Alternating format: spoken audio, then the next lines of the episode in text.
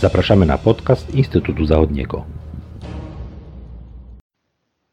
Dzień dobry, z tej strony Agata Kołabunowska.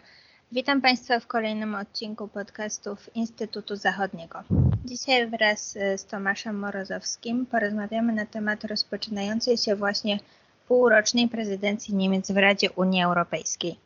W związku z tym wydarzeniem analitycy Instytutu Zachodniego przygotowali ekspertyzę zatytułowaną Priorytety prezydencji Niemiec w Radzie Unii Europejskiej, której wybrane wątki zaprezentujemy w dzisiejszym oraz w kilku kolejnych podcastach Instytutu Zachodniego.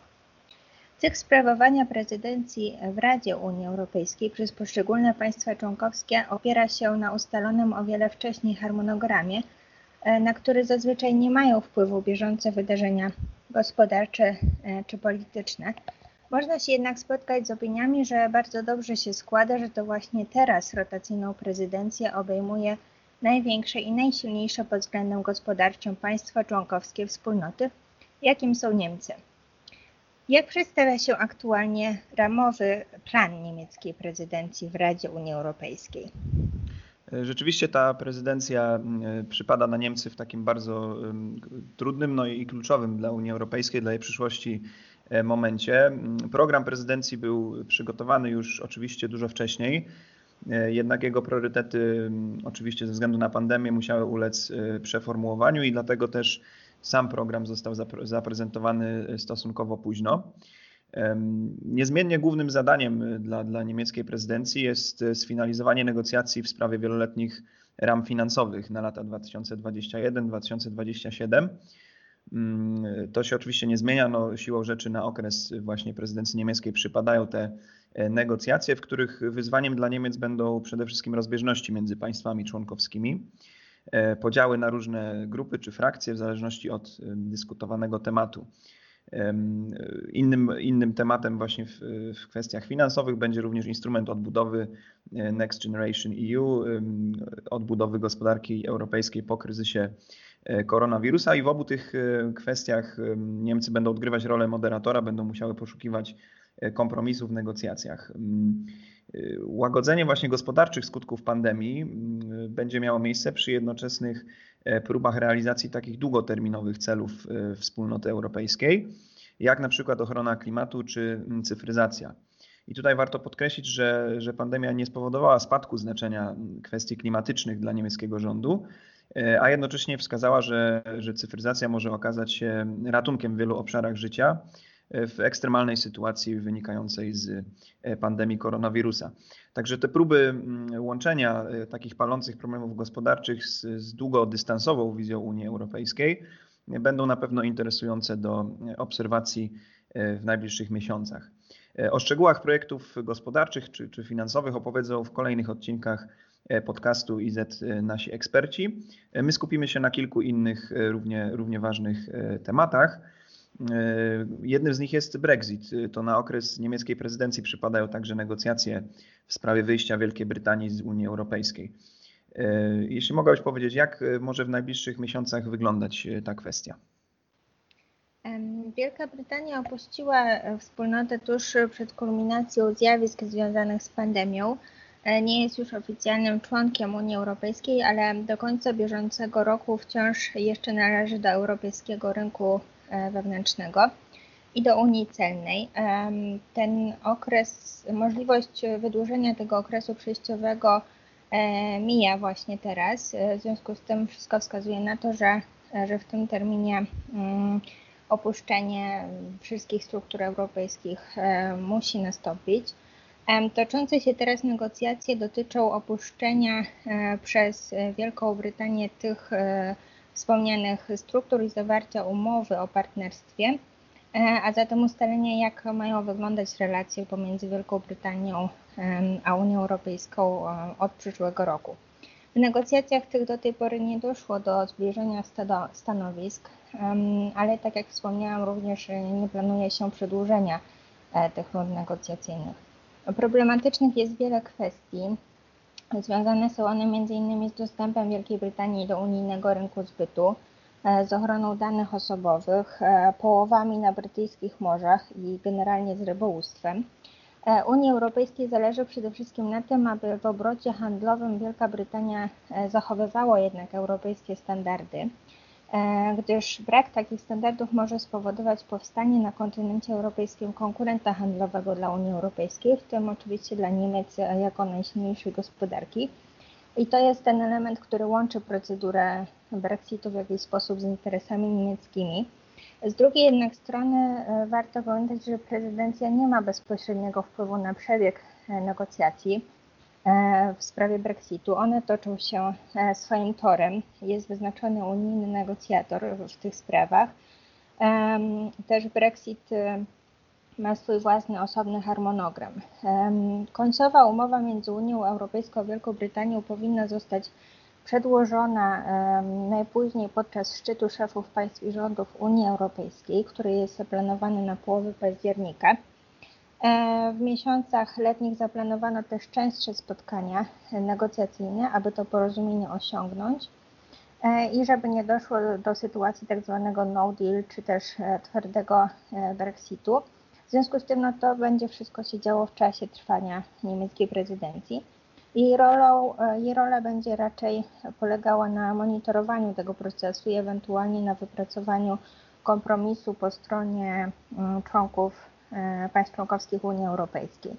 Wydaje się jednak, że w razie jakiegoś e, niepowodzenia nie będzie można zrzucić e, za to winy na prezydencję niemiecką, bo po prostu jej rolą nie jest ingerowanie w żaden sposób w procedurę Brexitu. Innym ważnym tematem jest niezmiennie też migracja i wciąż opóźnia się prezentacja nowego Europejskiego Paktu na rzecz Migracji i Azylu. E, wszystko wskazuje na to, że, że dokument ten zostanie opublikowany już w trakcie trwania e, niemieckiej prezydencji. Czy możesz e, też o nim krótko opowiedzieć? Tak, tuż po przejęciu funkcji przewodniczącej Komisji Europejskiej Ursula von der Leyen zapowiedziała nowe rozdanie w europejskiej polityce migracyjnej i azylowej. Miało ono, ono przybrać formę dokumentu Komisji Europejskiej, tak zwanego nowego paktu w sprawie migracji i azylu który miał zakończyć e, dosyć jałową, e, wieloletnią już dyskusję na ten temat i kompleksowo podejść do problematyki migracji, e, azylu, ale także ochrony granic zewnętrznych. Polityka migracyjna ma się zdaniem Komisji stać bardziej humanitarna w myśl tego dokumentu, ale i uwzględniająca w większym stopniu zasadę solidarności, która obowiązuje w tym obszarze polityk unijnych. E, pakt zapowiadano na początku roku. E, później mówiono o tym, że pojawi się on po e, przerwie wielkanocnej do końca pierwszego kwartału. Później z kolei nastąpiła pandemia i aż do tej pory nie zaprezentowano jeszcze paktu. A warto zaznaczyć, że to będzie dopiero propozycja do negocjacji, więc no jeszcze jest bardzo długa droga do wypracowania wspólnej polityki w tym obszarze. E, wszystko wskazuje na to, że, e, że ten dokument ukaże się w czasie trwania niemieckiej prezydencji, choć e, już w tym tygodniu w niemieckiej prasie mówi się o tym, że może to być nawet dopiero końcówka tego roku. Mm, będzie to mm, zatem podstawa dla niemieckiej prezydencji do, do prowadzenia negocjacji raczej nie spodziewamy się jakiejś kontr, kontrpropozycji rządu niemieckiego, po prostu wszystko leży teraz w gestii Komisji Europejskiej. Istnieje obawa, że tak jak przez ostatnie lata, które upłynęły od momentu wybuchu kryzysu migracyjnego, temat ten nie będzie jakoś zbyt chętnie podnoszony. Niemniej można się liczyć z tym, że Niemcy jako kraj, który od 2012 roku nieustannie przoduje jeśli chodzi o ilość chociażby rozpatrywanych wniosków o udzielenie ochrony międzynarodowej, e, że Niemcy będą starały się dopilnować, żeby ta kwestia pojawiła się na agendzie, choć wiadomo, że na liście priorytetów niestety nieco spadła. E, warto dodać, że zarówno kryzys e, wywołany pandemią koronawirusa, jak i wspomniany kryzys migracyjny doprowadziły do różnego rodzaju mm, impasów, jeśli chodzi o decyzyjność Unii Europejskiej.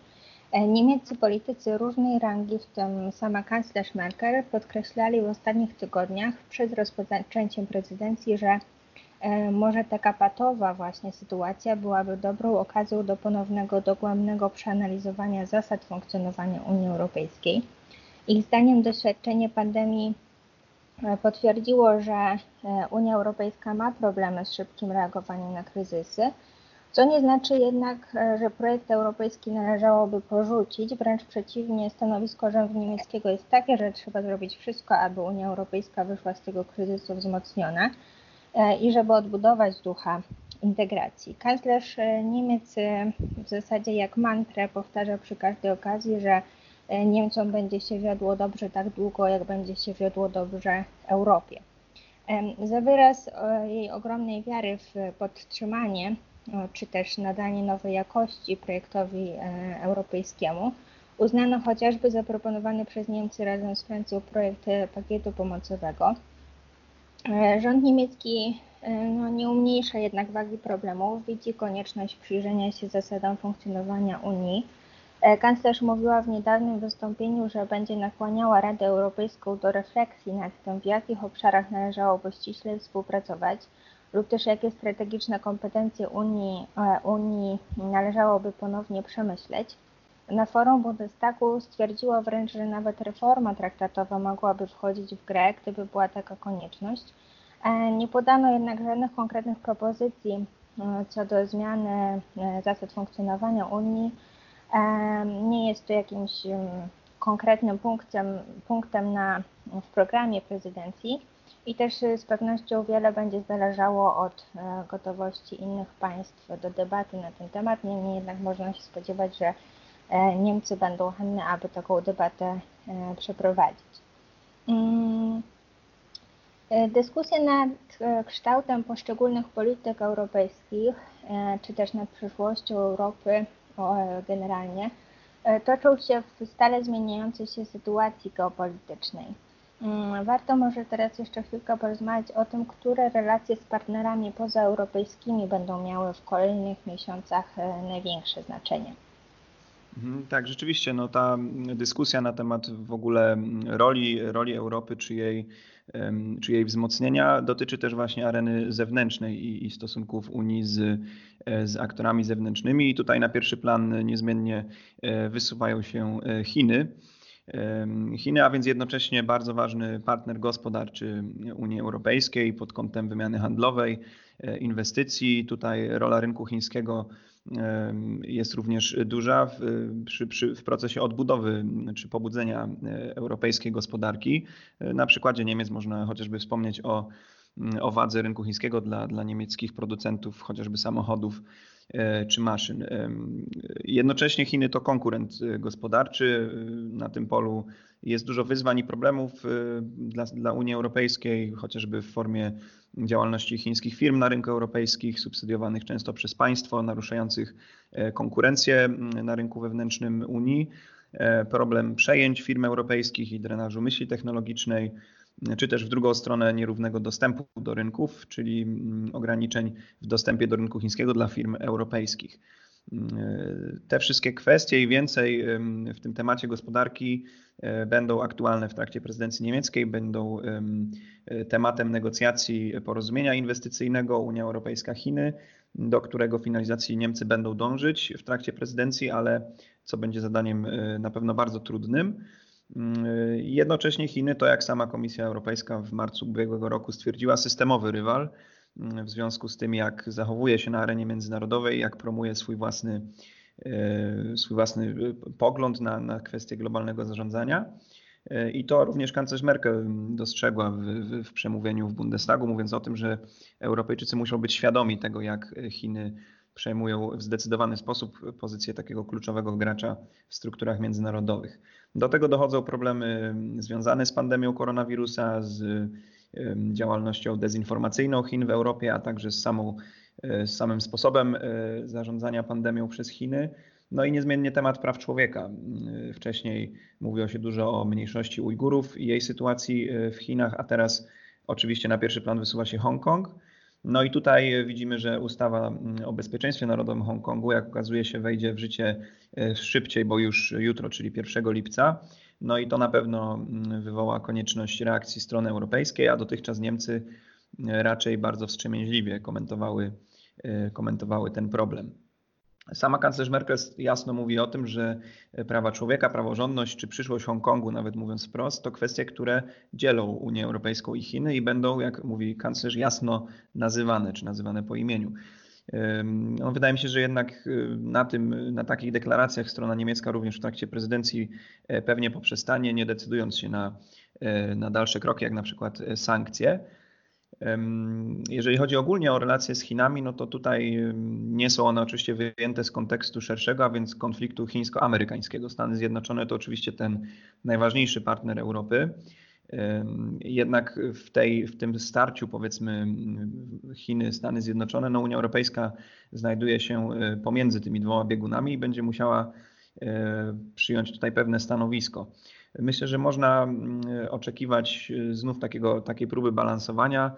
Raczej Unia Europejska mm, będzie starać się dopasować to swoje podejście, na przykład utwardzić je dalej w kwestiach gospodarczych, przyjmując kolejne instrumenty ochrony rynku europejskiego mm, Y, ale poszukując jednocześnie pól współpracy, na przykład w kwestii e, polityki klimatycznej, e, w której z kolei z administracją Donalda Trumpa Unii Europejskiej nie jest do końca po drodze.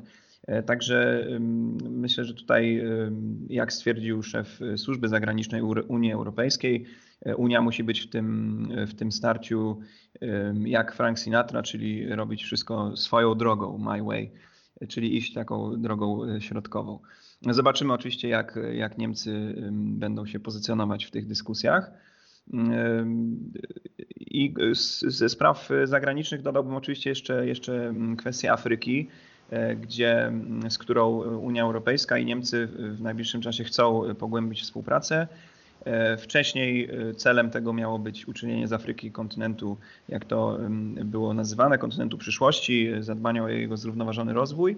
E, teraz oczywiście na pierwszy plan wysunie się też współpraca wobec pandemii i, i łagodzenia jej skutków również dla państw afrykańskich.